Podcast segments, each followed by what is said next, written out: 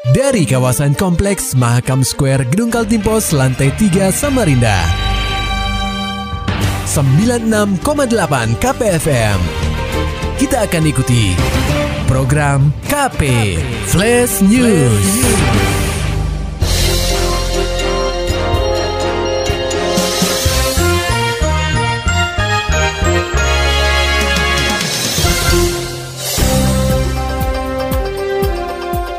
Anda sedang menyimak program KP Flash News bersama saya Agung Pratama.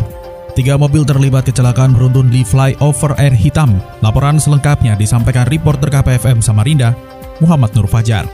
Insiden kecelakaan beruntun yang melibatkan tiga mobil terjadi di flyover air hitam Samarinda pada Selasa 25 Juli 2023 sekitar pukul 19.00 waktu Indonesia Tengah. Adapun tiga kendaraan yang terlibat kecelakaan beruntun ini yaitu Toyota Kijang Innova dengan nomor polisi DB1168MF yang merupakan mobil travel.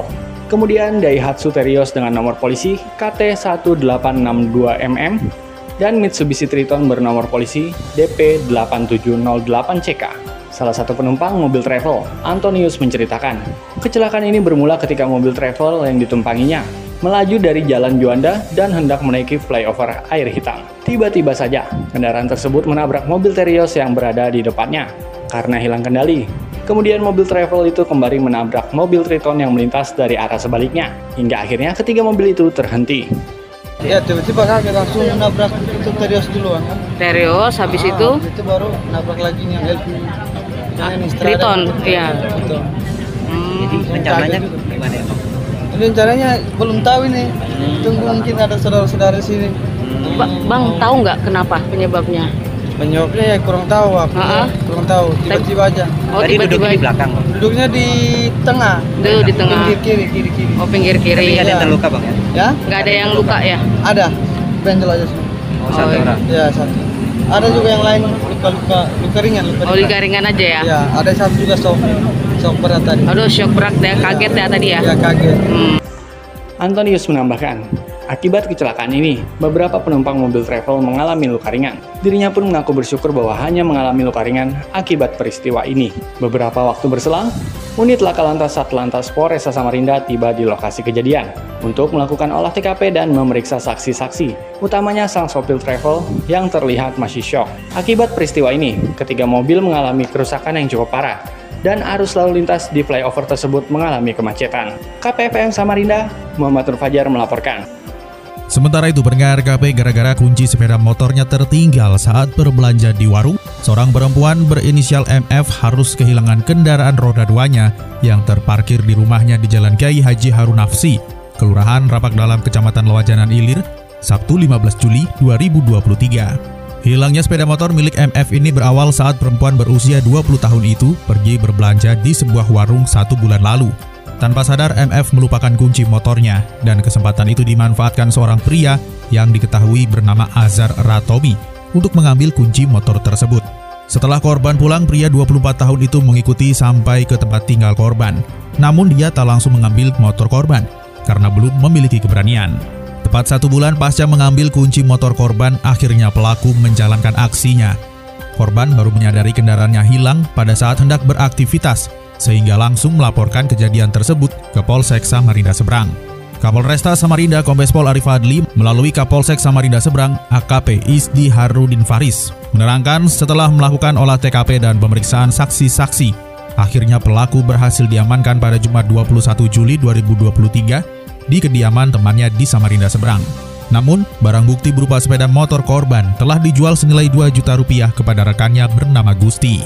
Tak butuh waktu lama, polisi langsung membekuk Gusti beserta sepeda motor korban yang diketahui berada di sanga-sanga.